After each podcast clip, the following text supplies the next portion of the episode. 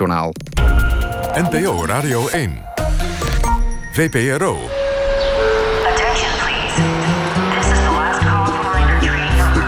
Bureau Buitenland, Nachtexpress. En provenance de Paris-Montparnasse. Presentatie Abdou Bouzerda. Informiamo i viaggiatori che il treno regionale 20 Goedenacht. Fijn dat u luistert naar het tweede uur van de Bureau Buitenland Nachtexpress. We zitten in Rabat, uitvalbasis en woonplaats van Rick Goveren... toen hij correspondent in Marokko was. En hij is hier bij mij te gast.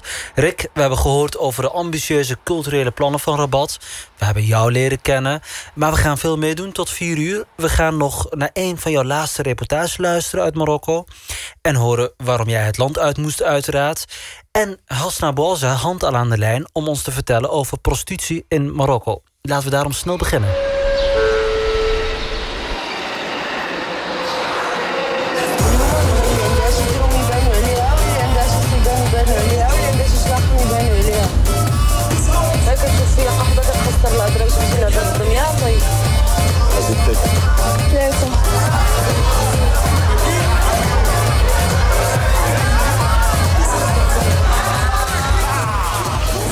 Harde, expliciete taal en veel naakt in de film Zinlifik. Beter bekend met de titel Much Loved van de Frans-Marokkaanse regisseur Nabil Ayouch. In deze nog altijd populaire, maar ook zeer omstreden dramawerk van drie jaar geleden... krijgt de kijker een unieke inkijkje in de wereld van dames van plezier in Marokko. Journalist Hasna Bouaza, een goede nacht. Goedenacht. ja, je bent speciaal voor ons uh, wakker geworden. Um, ik heb de film natuurlijk uh, gezien. Ik zeg natuurlijk, omdat op een gegeven moment ging het viral in 2015, kon ik me herinneren. Ja. En eigenlijk bijna iedereen in mijn uh, Marokkaanse vriendenkring. Um, maar um, de vraag is, hoe realistisch is deze film? nou ja, hij is heel realistisch. het begint al Um, met het taalgebruik, je noemde het net al, dat is heel rauw, heel expliciet. Het is het taalgebruik van de straat. En dat is een van de redenen overigens waarom er zoveel ophef was uh, in Marokko over die film. Want er waren uh, wat fragmenten gelekt. En uh, mensen gingen daar helemaal door uit hun dak. Um, en wat voor fragmenten en, zijn dat dan?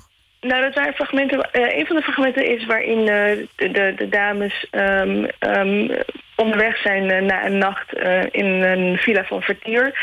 Onderweg weer terug naar huis. En, en het gesprek tussen hen, dat is heel expliciet en heel hard en heel seksueel.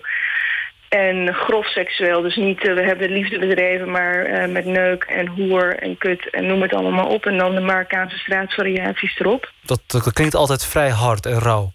Ja, ja, ja. En, dat, en, dat was, en dat was een unicum. Dat was het eerste keer in de um, een Marokkaanse film... dat er op die manier werd gesproken door vrouwen ook. Dat, was, dat, dat zijn allemaal factoren geweest die leiden tot de ophef.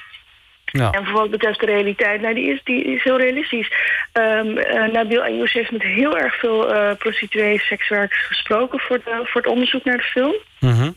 En... Uh, uh, nee, je hebt dus al gezien, um, de, de, zeg maar de, de, de, de figuranten in de villa's waarin het, het, seksuele gebeuren gebeurt. Dat was geloof ik dat hele grote villa wat uh, van die Saoedi's was... of in ieder geval ja. mensen uit de Arabische Golf... en een uh, busje ja. vol met vrouwen lieten overkomen. Ja, precies. Nou, dat, waren, dat waren ook allemaal sekswerkers. Dus ja. de figuranten waren echt vrouwen uit het vak. Hmm. Ja. Dat is nieuw voor mij. Ja, en, nee, dat, uh, ja. ja, en dat heeft hij natuurlijk gedaan om zo'n realistisch beeld uh, van uh, de, de, sekswerkers in Marokko te schetsen. Ja, ja. nee, absoluut, ja. ja. in die film gaat het om drie dames die dus alle in de prostitutie werken, zonder ja. alles te verklappen. Maar waar gaat het verhaal over? Nou ja, het is eigenlijk hun verhaal. Het, het, is, het gaat, je, je volgt een. Um, net tussen aanhalingstekens avonturen en, en, en hun leven.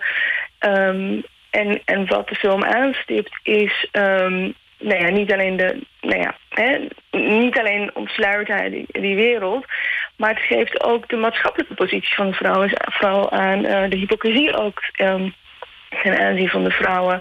Um, um, als ik twee voorbeelden noem, dan zou ik zeggen de agent uiteraard um, die uh, de hoofdrolspeler, de vrouwen gebruikt wanneer die is in meeste, hè, hij laat ze hun gang gaan, maar uiteindelijk als ze daar op uh, de 100 bureau zijn, de rol van Lubravi daar, dan uh, moet hij er wel eventjes overheen. Ja, dat is de hoofdrolspeelster, hè? Noha ja, Abidar. Ja, ja.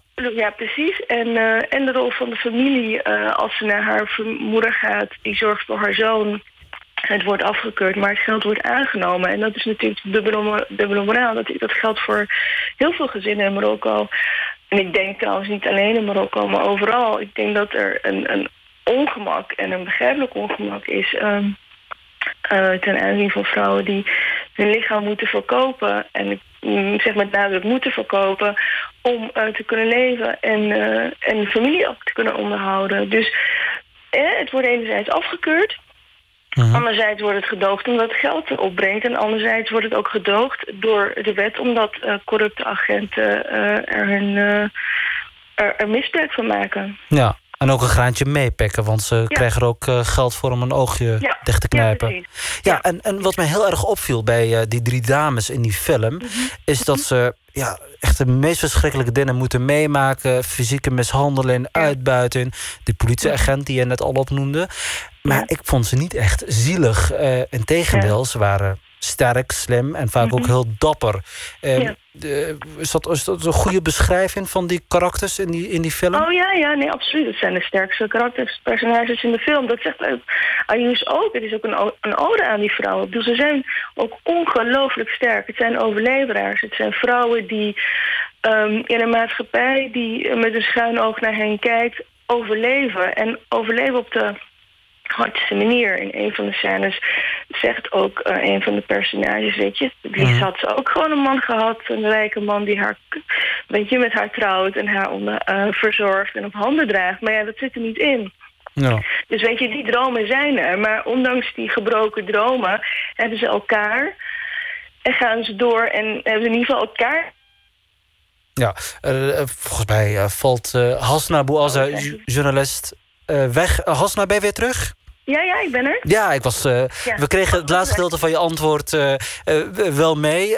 namelijk, -hmm. je gaf aan dat ze natuurlijk ook hoop hebben... maar die, die hoop, die, die toekomstdroom gaat weg.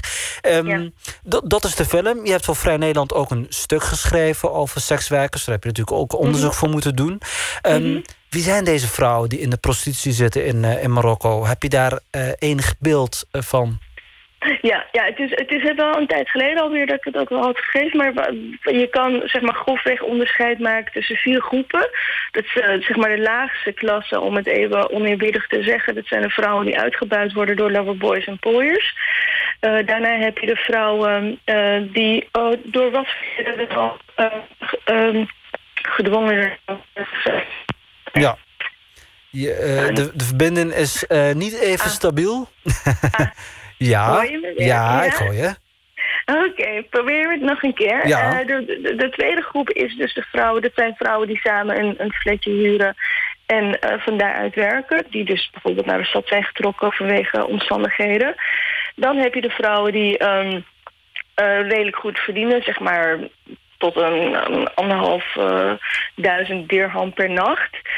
Um, in appartementen. En dan heb je zeg maar de echte hoge klasse, de, de, de, de cool girls, de vrouwen die je ook ziet uh, in de film Much Love, die dus um, in villa's werken, gehuurd door rijke golfmagnaten. Ja. Um, en daar een paar duizend dirham per nacht verdienen. Ik bedoel, die, seks, die seksindustrie is, is, is er. Mm -hmm. En dat is natuurlijk ook waarom er zo heftig is gereageerd op de film. Omdat hij uh, de seksindustrie liet zien waarvan iedereen weet dat die er is... maar eigenlijk niemand het erover wil hebben.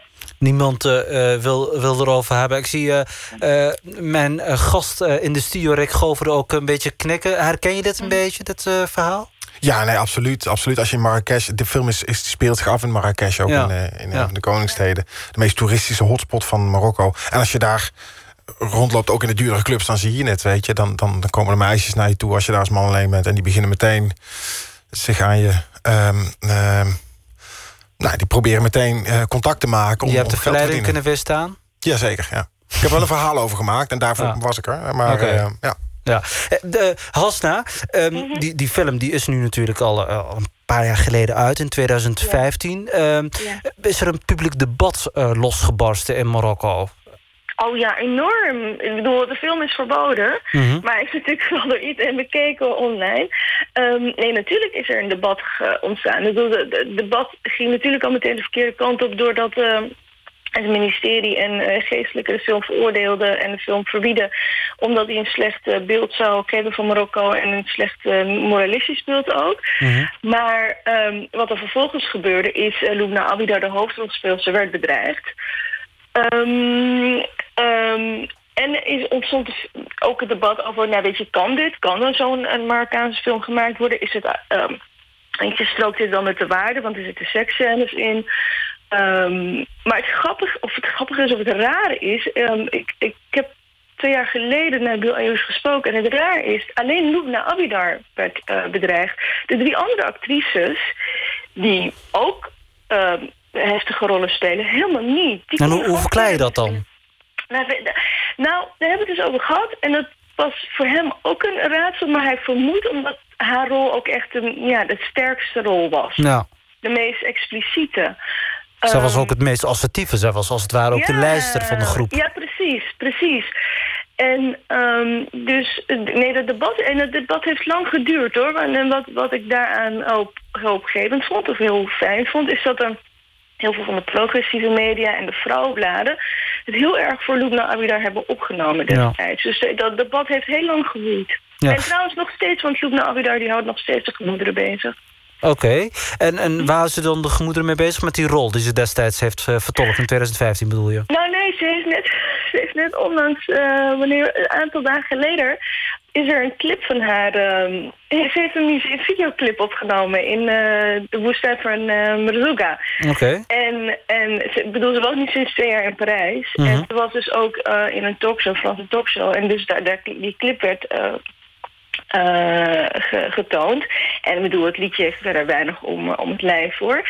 Eh, maar over mijn Habibi en eh, een beetje... Mijn geliefde, Dus, ja. ja, maar Ja. waarin ze dus vier, vier mannen afslaat... in plaats van dat eh, één, één man vier vrouwen heeft. Dus, je, dus, maar, maar goed, weet je, ze, ze, ze, ze gaat gewoon lekker door. Ja, eh, eh, tot slot Hasna, die, die film Mhm. is er een tijdje. Er is een levendig publiek debat eh, losgebarsten. eh, progressieve Ja. media schrijven erover. Maar Ja. heeft dat iets veranderd aan de maatschappelijke positie... van deze sekswerkers in Marokko? Heeft het iets gebracht, met andere woorden, al in 2018? Nou ja, de, de positie is niet veranderd, maar het heeft wel bedoel, het debat op gang gebracht destijds. Ehm, en ik denk dat dat altijd goed is om, ehm, om in ieder geval om de ogen te zien wat er is en, en wat er met de vrouw gebeurt ehm, eh, in, in je land en hoe, ze, hoe er met hen wordt omgegaan, hoe ze moeten overleven. Maar tot concrete veranderingen, dat niet. Ja. Maar dat zou ook wel, bedoel, dat zou ook wel heel. eh, het is geen, we, we- we leven niet in een Hollywood-wereld waarin iemand een speech houdt of zo en dat dan alles verandert, helaas. Geen Marokkaanse opera. Nee, Nee. nee. maar, laten we, nou, maar als we daarover gaan hebben, die opera, dan heb ik ook nog wel wat kant Oké, nou. eh, eh, laten we het dan eh, bij deze eh, film houden. Hey, en voor de geïnteresseerde eh, luisteraars die denken van... goh, die, eh, die film, dat lijkt me wel wat. Kunnen die het ook gaan zien? Of moeten ze, eh, kan dat niet omdat het alleen maar in het Arabisch is? Oh nee, nee, hij is ondertiteld. En ik zou het zeker doen, want eh, het is een film die echt onder je huid gaat zitten. Met, ah, dat is eigenlijk met alle films van Ayush. Die zijn zo rauw en zo realistisch. Die laten je niet eh, meteen los. Dus ik zou het zeker doen. Heel goed, Hasna Bouazza. Journalist, bedankt voor je ehm, toelichting. Ehm, en een eh, fijne nacht verder. Dank je. Ja, ook zo. Dag. When I was four, started playing this guitar, looking for, looking for a shooting star. That night I swore I would be someone. Don't slow me down, this is who I wanna be. I left my town, friends and family, I let them down, one by one. Yesterday I started this song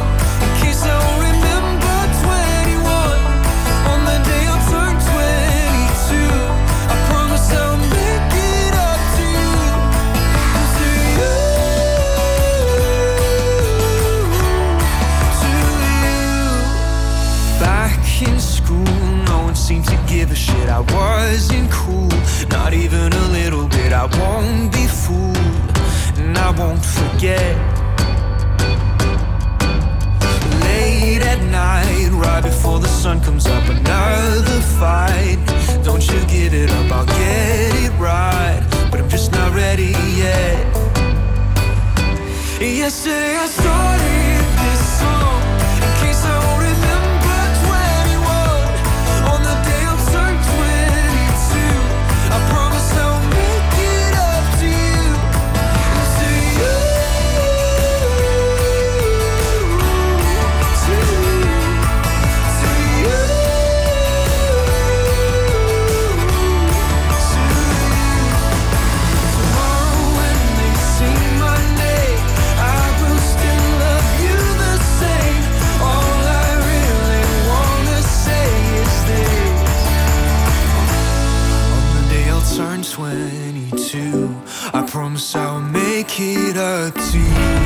Yesterday I started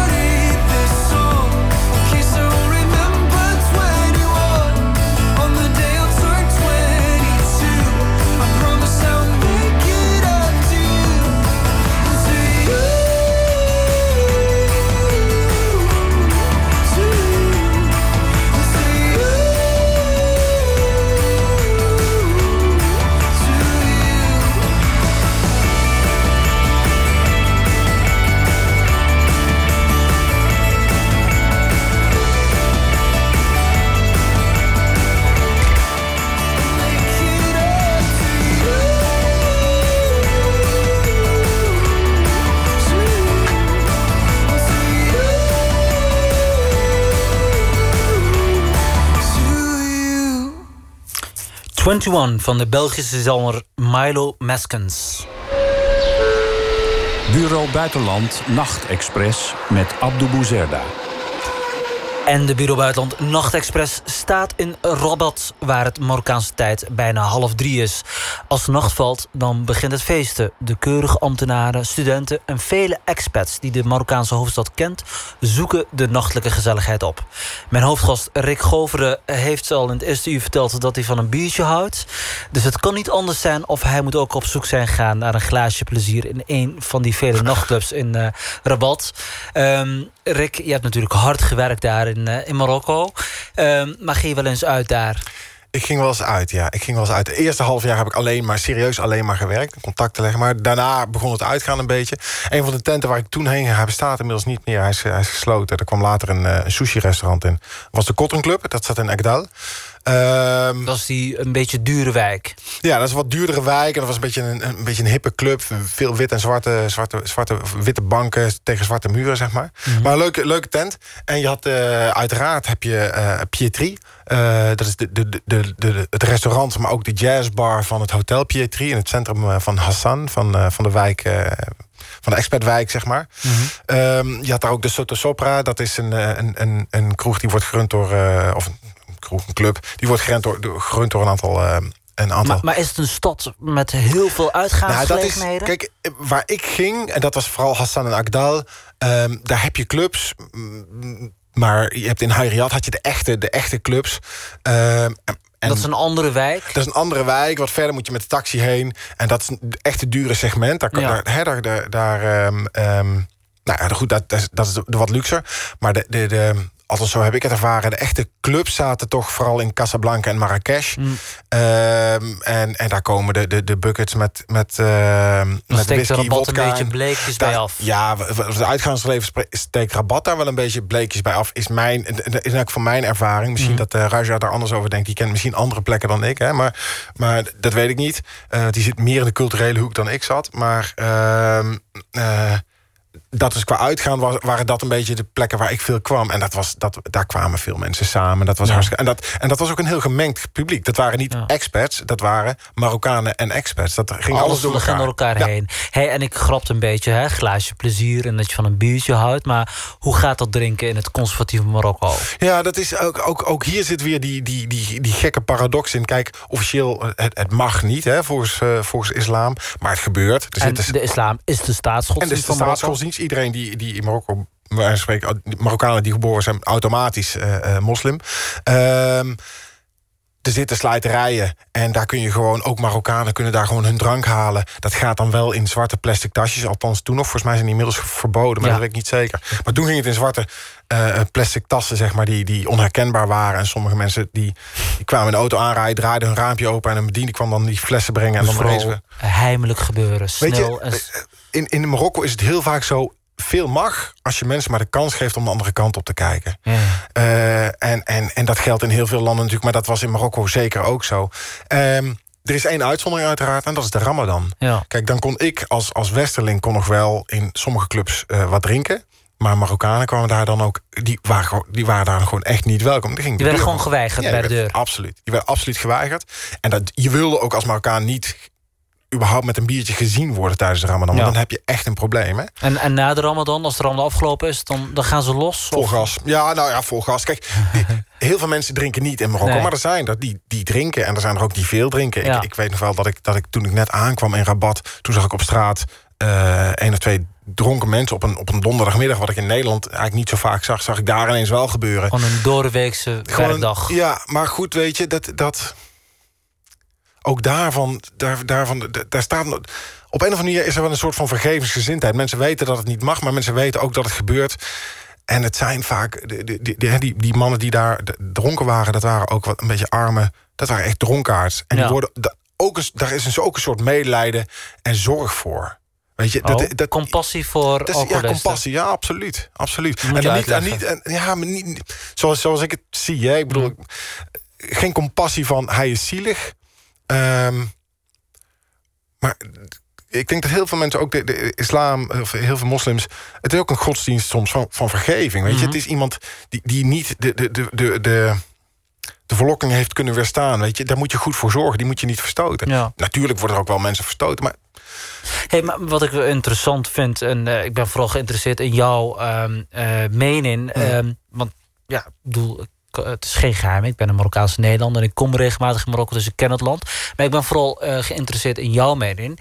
Ehm, is dat niet een beetje gek wat jij dus zegt van ja, heel veel kan in Marokko als je maar de kans geeft aan eh, mensen om eh, hun gezicht te keren, zodat ze dat niet hoeven te zien.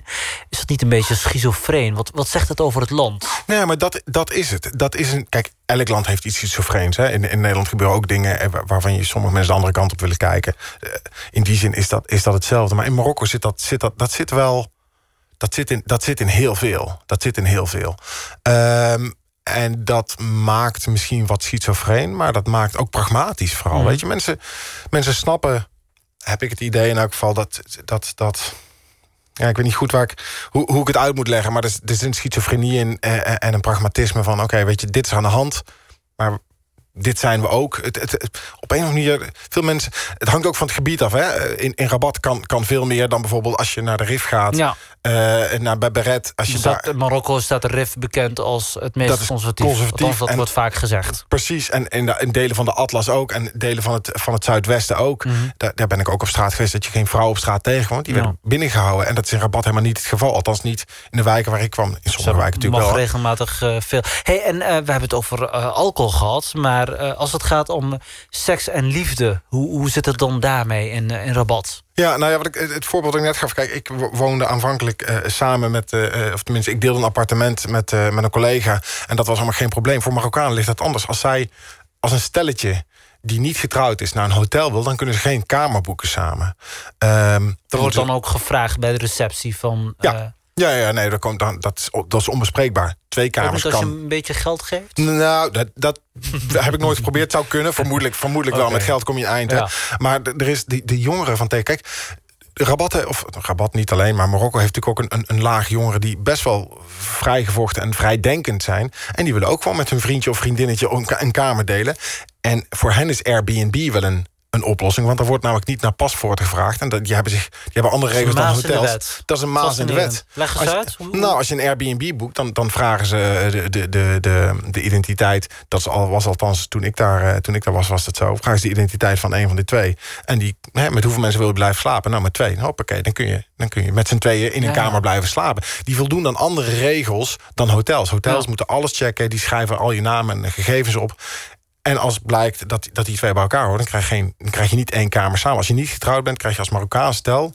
geen kamers samen. Terwijl je dat als Westers stel wel krijgt. En eigenlijk zit daar... Daar zit natuurlijk iets dubbels in. Ja. Ja, maar aan de andere kant zou je ook kunnen zeggen van het is islamitische wetgeving, dan gaan we buitenlanders niet meer lastigvallen. Ja, maar, maar dat, is, dat is ook weer onderdeel van, van Ja. een soort van pragmatische insteek. Weet je? Het is gewoon, eh, ze, zijn, ze snappen eh, of ze snappen, dat is ook zo generaliserend. Mhm. Maar eh, de Mar- de Marokkaanse wetgever snapt, die snapt van, nou oké, weet je, als er hier Westelingen komen, dan, dan die, die, ja, die Die hebben andere. lastigvallen met die gaan niet orthodoxe nee, opvattingen. Nee, Ja. Hey, en ehm, ben ik heel erg geïnteresseerd. Jij ging in 2013, dat heb je ons tenminste verteld, naar Marokko toe als vrijgezel. Ja. Want je maakte het uit met het meisje. Je was ban om eh, een kind te gaan krijgen en eh, uiteindelijk gaan trouwen en uh, vastgeketend Ja. als, eh, als vader die dan. eh, woensdagavond gak moet eten en zaterdag eh, langs het voetbalveld moest gaan staan. Ehm, eh, heel onvallig eh, beeld. Maar ehm, eh, jij kan dus daar in die stad Rabat aan als vrijgezel. Ja. Heb jij een een Marokkaanse vriendin gehad of heb, Marokkaanse partner? nou, ik heb, ik heb ehm, het was niet mijn vriendin, maar ik heb iets gehad met een Marokkaans meisje. En dat werd Mhm. later mijn vriendin. En daar, bedoel dat. Zij Dan kwam kon dat wel. Dat kon, ja. Want het, zij kwam uit een vrij eh, vrijgevochten gezin. En haar moeder, die, die, die heb ik later ontmoeten. Hartstikke een schat van een vrouw die ook heel ruimdenkend en vrijdenkend was. Kijk, het is niet zo dat je in een dat er in een islamitisch land alleen maar orthodoxe conservatieve mensen wonen. Ja. Dat is, het is net als in elk land heb je allerlei soorten mensen en lagen van de bevolking. Maar wat, En de was is het dan voor dan gezin? Was dat een heel rijk gezin? ja, Of- dit was een rijk gezin zonder meer. En ook een, een, een hoge ambtenaar, ehm, eh, gescheiden ook. Mhm. Ehm, wat ook natuurlijk wel een- dingetje is, maar zo vrijgevochten waren ze. En die dochter die ook buitenland gestudeerd, dat wel. Hè, want de, de, de, de hoge, de, wat, dat hogere middenklasse en rijkere Marokkanen... die laten hun, hun, hun kinderen graag of in Parijs of in de US... eh, hoe heet dat, in eh, de Verenigde Staten studeren. Nou, dat was in dit geval ook zo. Dus een heel wereldwijs, heel wereldlijk gezin... die ook is- islamitisch of, of moslim... ehm, pragmatisch ook weer. Ja. Ehm, maar dat meisje waar ik toen iets mee had, eh, heel kort... Die, die had het geloof al min of meer afgeworpen. Ja. En die deed er ook niet moeilijk over. Alleen dat is niet iets waar je heel makkelijk voor uitkomt. Je Ja. gaat niet roepen, ik ben atheïst. En ehm, eh, dit is een, een, nou ja, eh, een, een vrij, relatief vrij gezin. Maar hoe zit het bijvoorbeeld met die lagere sociale klasse... als je naar die andere wijken in Rabat kijkt en, en dergelijke? Had jij bijvoorbeeld iets kunnen beginnen met een meisje... uit een van die wijken? Nee, dat denk ik niet. Nee, dat denk ik niet. Ook omdat daar de sociale controle veel, veel heftiger was. Kijk, als je in, in, in eh, de bo- boulevard Mohammed Sank... Dat is die grote boulevard. De grote in, eh, boulevard eh, in, in het centrum. En dat is een vrij, vrij gevochten gebied, om het zo maar te zeggen. Tenminste, dat is vrij open en tolerant. Als je dan naar richting Medina loopt en je slaat linksaf... dan kom je in Lociaan terecht. En dat is een vrij conservatieve, al een wat conservatievere wijk. Nog niet eens de conservatiefste. En dan, dan kun je, daar zou ik niet met een Marokkaans meisje over straat kunnen lopen... hand in hand, eh, vermoedelijk. Sowieso is dat, is dat al lastig. Ehm, nee, dat, hand in hand lopen is ook een... Weet je, dat gebeurt... Nee. Nee, Maar, dat maar die lagere sociale klassen... die hebben natuurlijk ehm, ook relaties voordat ze getrouwd zijn. Ja, Ja. Ja, maar kijk, uiteindelijk vinden jongeren, en dat is in alle landen zo, vinden ze wel een plekje Ja, ja. om, om te doen wat ze Ja. graag willen. Oké. Eh, bedankt voor, eh, voor deze eh kennismaker op het gebied van eh, liefde en, eh, en drank in, eh en Rabat. Wij gaan eh, even eruit voor muziek.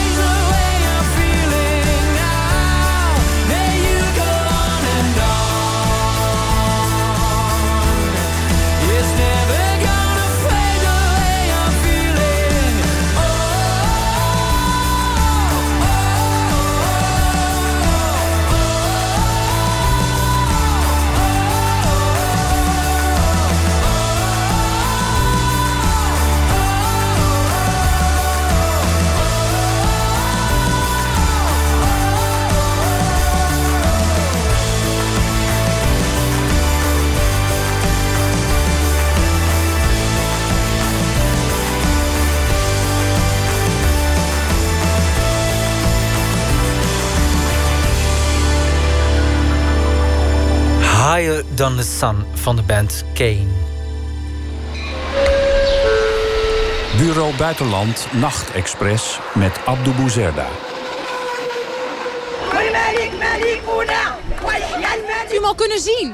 Nee, daarom zit ik hier te schreeuwen, te schreeuwen wil ik zien.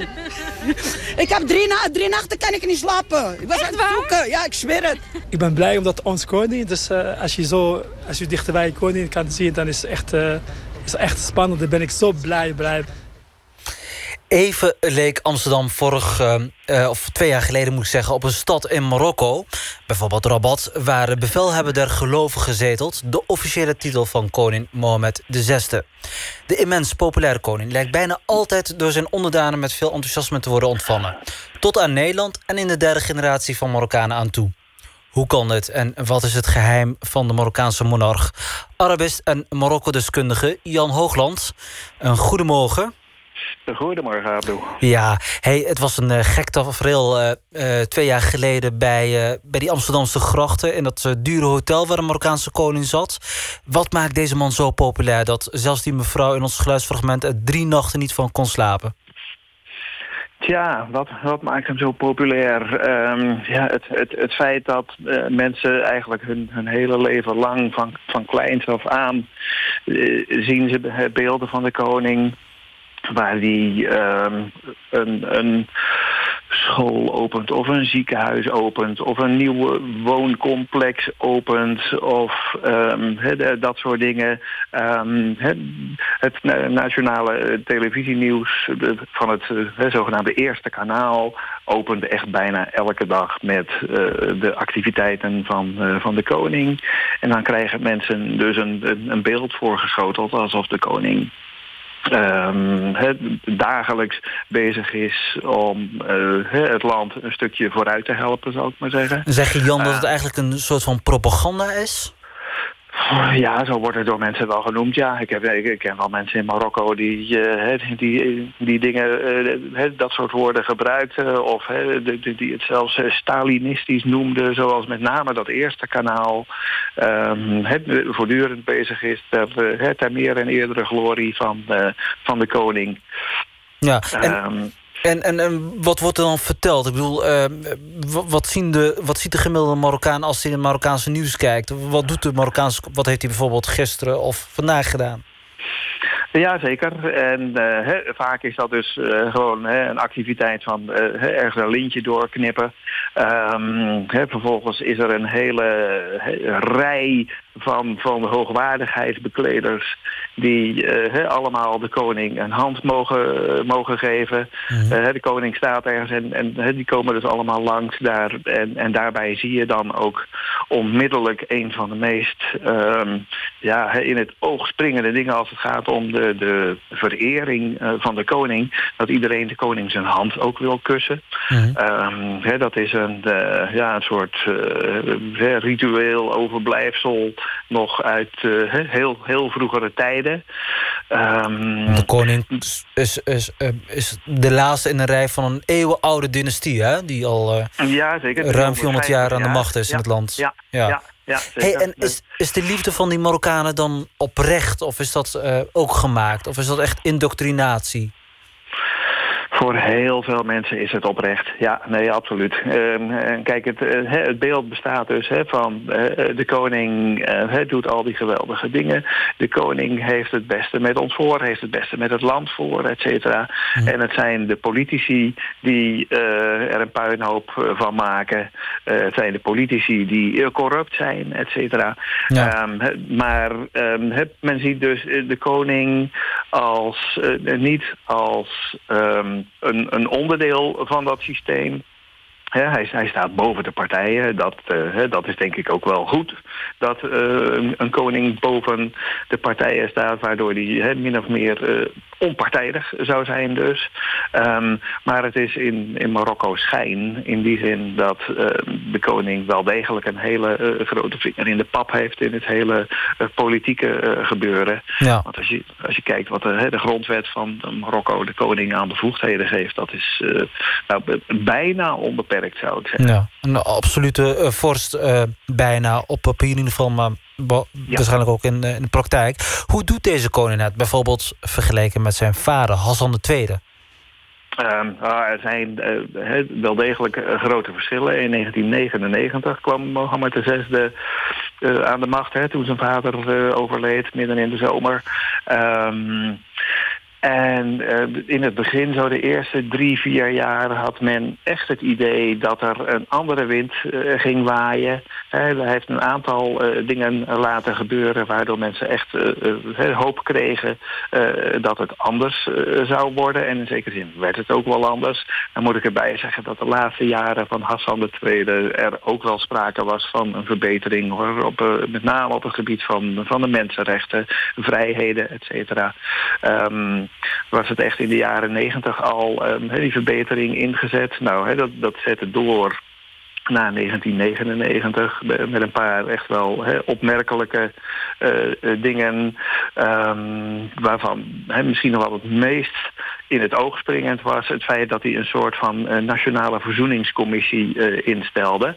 Waar mensen dus eh, hun verhaal konden vertellen, eh, soms live op televisie, over de, de mensenrechten schendingen in de, de, de jaren daarvoor. Dus onder het bewind van zijn vader. Eh, de slachtoffers van ehm, marteling, van eh, willekeurige arrestaties, et cetera. Hij konden is dus met andere woorden heel goed begonnen. eh, afsluiten van die verschrikkelijke periode van eh, zijn vader. Zogenaamde jaren van, eh, van Lood. Waarin ook echt heel veel Marokkanen verdwenen en gemarteld werden. Ehm, dus deze koning doet het relatief beter. Maar toch is er ook kritiek van sommige Marokkanen. Hij zou bijvoorbeeld niet snel genoeg zijn met het hervormen van, eh, ehm, van, van de grondwet in, in Marokko. Dus meer naar een democratie gaan. En eh, de meest gehoorde kritiek is... hij is te veel bezig met zijn eigen zakken vullen. Eh, mijn gast Rick Gover had het net al over... eh, eh, ehm, hoe heet het, die winkelketen Marjan. Dat gigantische supermarkt waar je binnen kunt komen... en waar je naar binnen gaat... en dan volgens 100 merken tandpasta kunt kopen. Of iets meer. Ja, dat klopt. Dat is een, een voorbeeld. Er is ehm, een aantal jaren geleden, het zal rond 2010 zijn geweest, denk ik, hè, een boek verschenen van eh, twee Franse journalisten die Marokko heel goed kennen. Dat is, eh, geloof ik, Le Roi le Prédateur.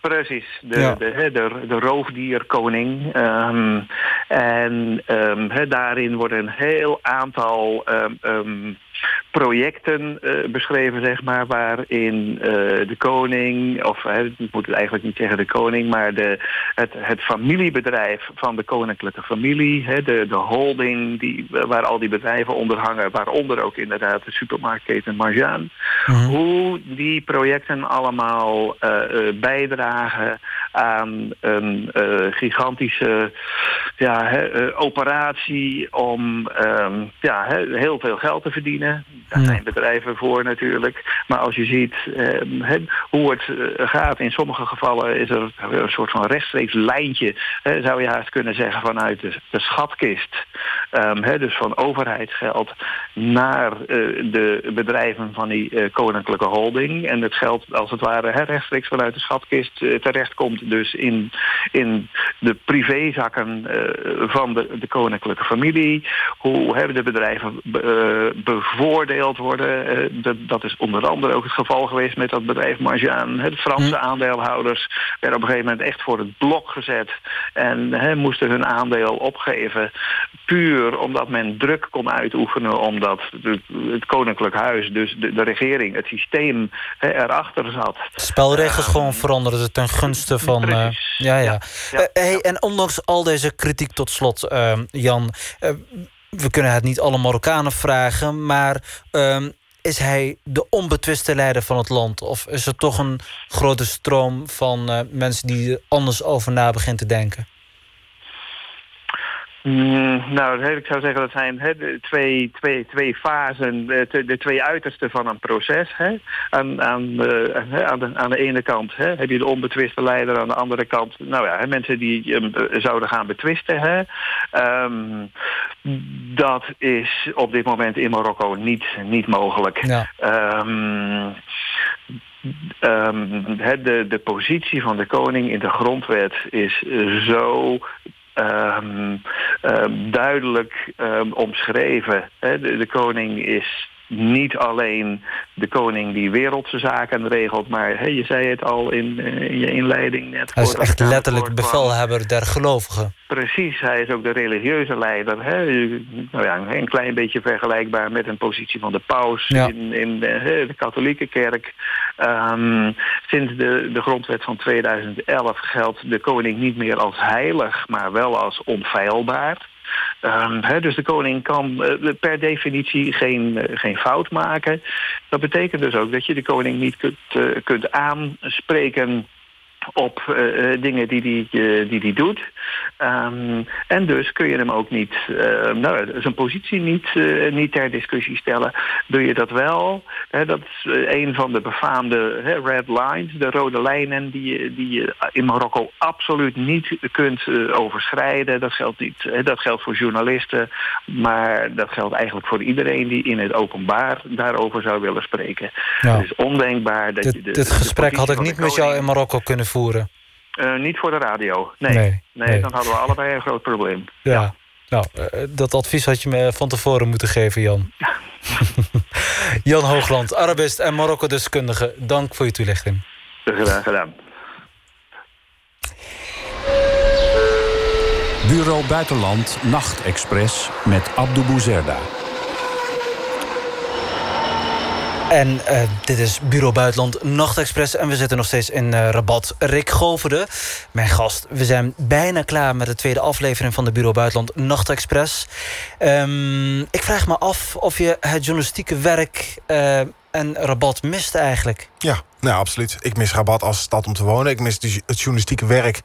Ehm, de vrijheid die je hebt als freelance journalist... om elk moment dat je wil in een taxi te springen... of in een bus op weg naar een of andere streek... waar een interessant verhaal te halen is. Jeddah, onder onder andere was ik zeker heen gereisd. Ja, nu waar, dat is eh, de, de stad Gerada waar nu mensen protesteren... eh, vanwege eh, armoede. En ook omdat er gewoon mensen om zijn gekomen... omdat ze hun geld proberen te verdienen illegaal in, in illegale mijnen, precies. Ehm, ehm, of op een vliegtuig naar een ander land. Ik, ik was correspondent op een gegeven moment Noord-Afrika en West-Afrika. Dus ik, heb, ik ben naar Egypte, Libië, eh, Liberia tijdens de ebola, het hoogtepunt van de ebola-crisis.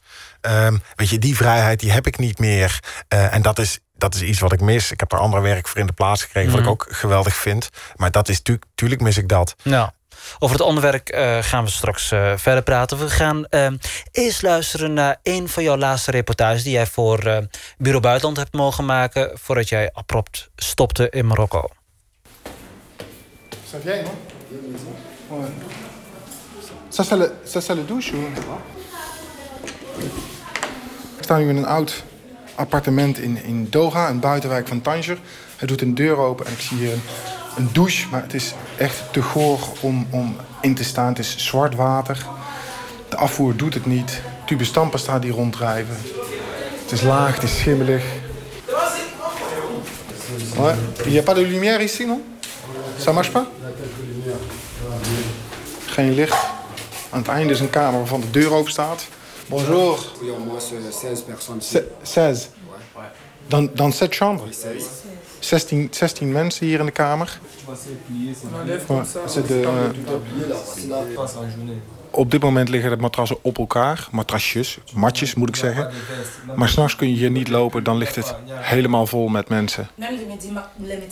Et on a des problèmes financiers. Déjà, ce qui nous bloque pas ici. On n'a pas d'argent pour manger, on n'a pas d'argent pour, We wonen hier met z'n allen samen omdat we geen geld hebben. Niet om te eten en niet om over te steken naar Europa. Richard is 16 jaar en ontvluchtte ongeveer een jaar geleden Cameroen.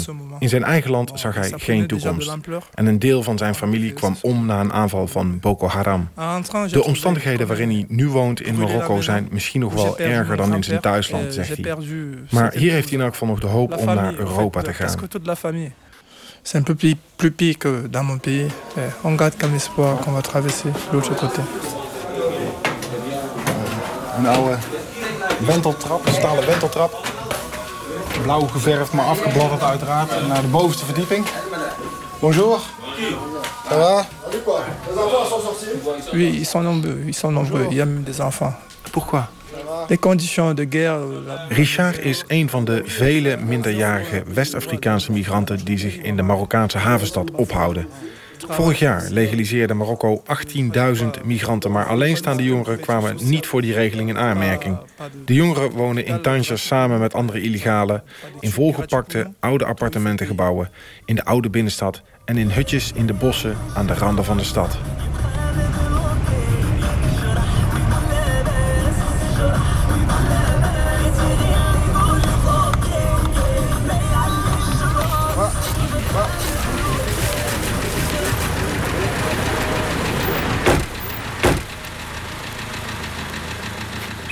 Ik loop nou verder het zandpad op richting het bos waar ze zich ophouden.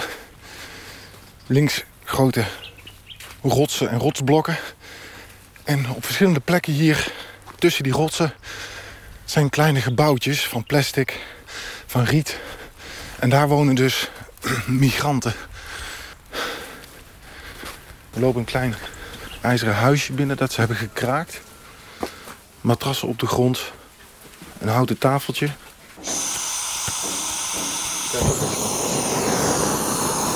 We gaan op de matrassen zitten om even te praten over hun reis hierheen.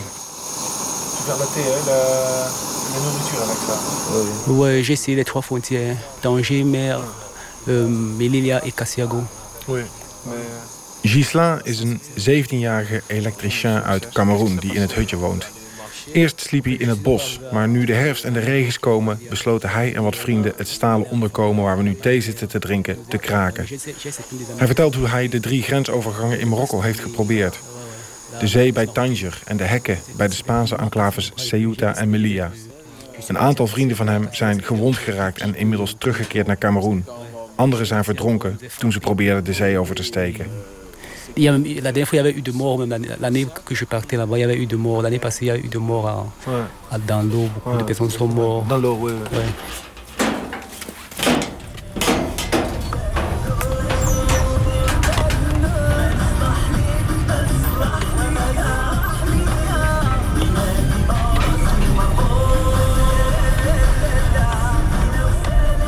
In de oude Medina van Tanger ontmoet ik Cédric Patou, een 30-jarige Cameroenees die hier al drie jaar woont.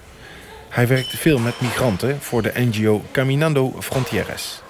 Et avant, les trafiquants, ils, n'utilisaient pas des enfants comme aujourd'hui. Tout le monde veut qu'un membre de sa famille migre. Smokkelaars hebben de jeugd ontdekt, zegt hij. In West-Afrika willen zo'n beetje alle middenklassefamilies wel iemand naar Europa sturen om naar school te gaan en geld te verdienen. En smokkelaars die maken daar met medeweten van die families handig gebruik van. Et les filles qui étaient parfois étaient soumises à la prostitution pour pouvoir manger. Maar de smokkelaars die nemen ze maar mee tot aan Marokko en daar stopt het. Meisjes komen soms terecht in de prostitutie of worden ingezet om te bedelen. Jongens gaan de bouw in. La majorité des personnes qui étaient à Tanger, je pense, il y a plusieurs qui sont partis pour, pour la Libye. En nog een reden dat er veel minderjarigen zijn hier. Migranten die het kunnen betalen zijn doorgetrokken naar Libië, zegt Patou. Daar is de oversteek duurder, maar de grens ligt helemaal open. Wie arm is, blijft achter in Marokko. Een reportage van mijn gast Rick Goveren... in zijn vorige leven als correspondent. En dan eh, de belangrijkste vraag. Uh, Rick, waarom ben je daar weggegaan? Nou, heel simpel. Ik, werd, uh, ik liep op een dag op straat, op een middag op weg naar de bank. Uh, er kwam van alle kanten politie op me af. Ik werd opgepakt en ik werd de grens overgezet... en ik werd het land uitgegooid. Ja. Binnen drie, uur, binnen drie uur stond ik in Zuid-Spanje. Feitelijke weergave van wat er gebeurde op je laatste dag. Ja. Uh, maar die uh, vriendelijke mannen, ik weet niet of ze heel vriendelijk waren... die moeten je toch wel iets meer hebben medegedeeld. Nou, officieel was de reden dat ik geen perskaart had. Kijk, je, je moet in Marokko... Ik had een internationale perskaart. In Marokko ja. moet je ook nog een Marokkaanse perskaart hebben. Die moet je aanvragen. Dan moet je een aantal voorwaarden voldoen. Je dat moet wist je van tevoren? Dat, dat wist ik van tevoren. Dat ja. had ik namelijk ook allemaal keurig gedaan. Je moest bijvoorbeeld formulieren invullen over je werkgevers. Je moet kunnen aantonen dat je drie, als freelancer drie opdrachtgevers hebt. Je moet een bankrekening hebben waarop je betaald wordt voor je journalistieke werk. Mm -hmm. Om een perskaart aan te kunnen vragen. Met andere woorden, je moet al werken om te mogen werken. Mhm. Mm -hmm. um, dat moet je elk jaar doen. Ik heb dat in 2014 gedaan en 2015. Ik heb nooit een beslissing te horen gekregen van... je krijgt geen perskaart of je krijgt wel een perskaart. Ze hebben gewoon niks laten weten. Um, en in de tussentijd heb jij... In de tussentijd heb, gewoon... ik, heb ik gewoon gewerkt. Um, kijk, in Nederland is het zo, als je aan de voorwaarden voldoet... dat kun je aantonen, je levert de formulieren in die, je, die ze vragen... dan mm. krijg je je ja. vergunning. In Marokko ligt dat anders. In Marokko kun je aan alle voorwaarden voldoen... maar nog kunnen ze een soort van aan het lijntje houden. Kijk, een, een journalist... Maar dit die... klinkt allemaal alsof uh, de papieren gewoon niet goed geregeld waren. Uh... Ja, maar kijk, ik, mijn, mijn papieren had ik ingeleverd. Ze zeiden, ja. oké, okay, je dossier is nu compleet. Ja. Hartstikke goed, we gaan hem aanvragen. Ja. Klaar. En dan denk ik, oké, okay, nou, het is compleet, anders hoor ik het wel.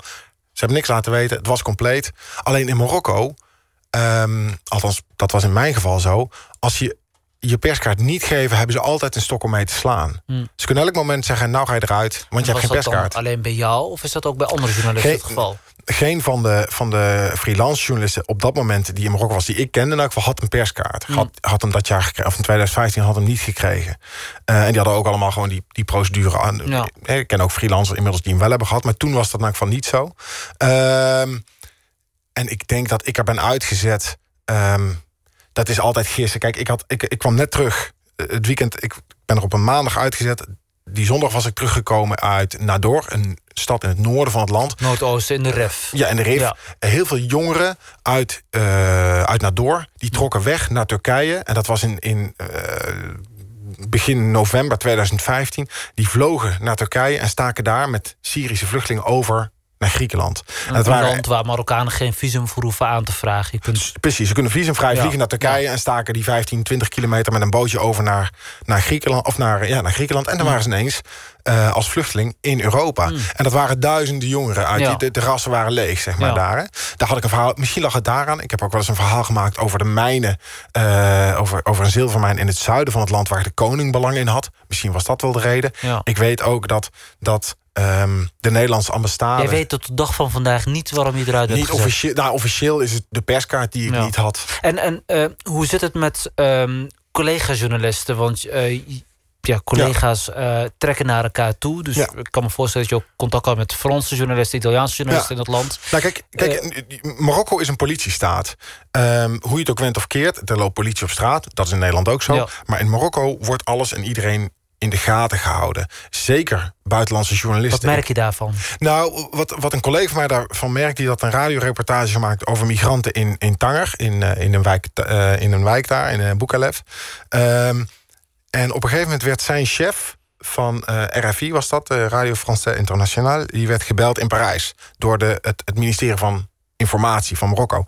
En die uh, zeiden van, joh, we hebben die reportage gehoord van, uh, van jullie correspondent hier in Marokko. En daar zijn we eigenlijk niet zo blij mee, want wij komen niet zo goed vanaf. En we hebben ook geen weerwoord gekregen. En toen zei die chef uh, van die journalist, die zei maar... hoe kun je dat weten? Want die reportage is nog helemaal niet uitgezonden. Ja. Die staat op zijn computer en die staat op mijn computer. Hoe weten jullie dat? Ja. Dat, weet je, dat werd gewoon gescreend. Um, een ander voorbeeld, toen ik werd uitgezet... ik zat in de taxi op weg uh, naar, naar, naar Zuid-Spanje. Ik werd, ben met een, of een politieauto, moet ik zeggen... Uh, vanuit Rabat naar, naar Zuid-Spanje gereden. En toen waren we vlakbij Tanger. En ik zei... Uh, en toen zei die agenten zeiden tegen mij van... ja, hier, kom, hier kwam je wel vaak, hè? Ja. Ik zei, hoe weten jullie dat nou? Ja, je hebt met die gesproken, met die gesproken. En je bent net terug uit Nador. Dat was een dag daarvoor was ik teruggekomen. Weet je, ze hielden gewoon alles in de gaten. En, en hoe doen ze dat dan? Loopt er een hele tijd een mannetje achter je aan? Of hebben ze Eh, manne- GPS-locatie? Mannetjes, meervoud. Kijk, toen ik in het politiebureau in Rabat zat... zei ook een van die... eh, toen zag ik een, een, een, een, een, hoe heet- undercover agent of een agent in Burger langslopen. En die zei, hey Rick. En ik, had die gast nooit gezien. Het is gewoon Ja. serieus waar. Ja. Hendrik, hij noemde me Hendrik. En daarvan wist ik van... ja, maar dat is alleen de naam die in mijn paspoort staat. Niemand noemt me zo. Dus... ehm, maar kijk, het politieapparaat begint, begint of, in Marokko is een soort schaduwmacht. Dat noemen ze de magzen. Ja. Dat is een systeem van, van, eh, van, macht, van, van macht. Het is een machtssysteem.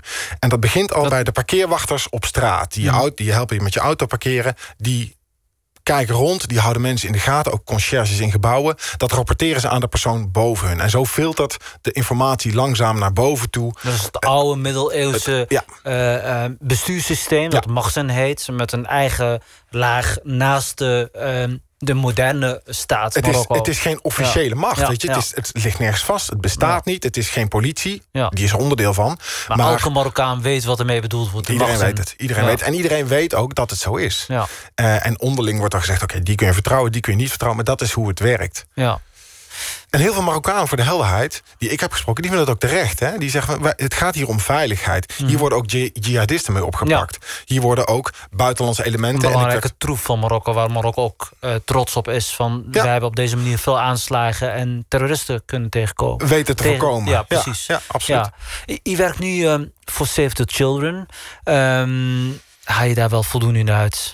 Daar haal ik heel veel voldoening uit, ja. ja, nou kijk, ja, ik... vraag het omdat je natuurlijk aan een avontuur begon. Je wilde heel graag correspondent zijn. Zeker, maar dit is een, dat, dat was ik. En dit is een nieuw avontuur. Kijk, ik weet nog wel dat op een gegeven moment stond ik in, eh, ehm, in de woestijn in, in eh, Niger. En ik zag bussen vol vanuit Niger eh, via Agadez, de centrale stad, naar, Ja. naar de kust van Libië trekken.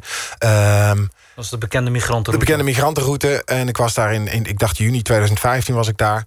Ehm, en een paar maanden later was Europa compleet verrast door alles wat er hun kant op kan. En toen dacht ik, joh, leest er dan niemand een krant van de politie in Europa? Hoe kun je verrast zijn door wat er in Turkije of in Libië richting Europa trekt? Jullie lezen toch kranten? En toen dacht ik, wie luistert er eigenlijk?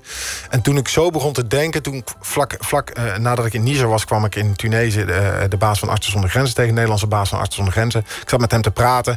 En ik zei, joh, ik voel me soms roepen in de woestijn. En toen zei hij, ja, wij staan ook in die woestijn. Maar zei ik van, ja, maar jullie plakken tenminste nog pleisters. Weet je, jullie doen Ja. tenminste nog iets. En toen dacht ik, misschien moet ik gewoon eens een kant kiezen. Ja. Toen ben ik En dat ook heeft je- toeval Marokko uitgezet. Ik kon solliciteren bij Save Children en ik heb de baan gekregen. Nou, kijk eens aan. Eh, Rick Goveren, het was eh, een eer om jou als gast te hebben. Als reisgids moet ik zeggen. Hartstikke bedankt dat je me door Rabat hebt rondgeleid. Dit was de Bureau Buitenland, de Nachtexpress voor vandaag. De nachttrein trekt door naar het koude noorden. Volgende week gaat Helga Salomon ons rondleiden in Moskou. Voor mij buitenland hoeft u niet lang te wachten. Morgen heeft Bureau Buitenland om 7 uur een reportage voor over, over duurzaam ondernemen. Ik dank u voor het luisteren. Tot de volgende halte.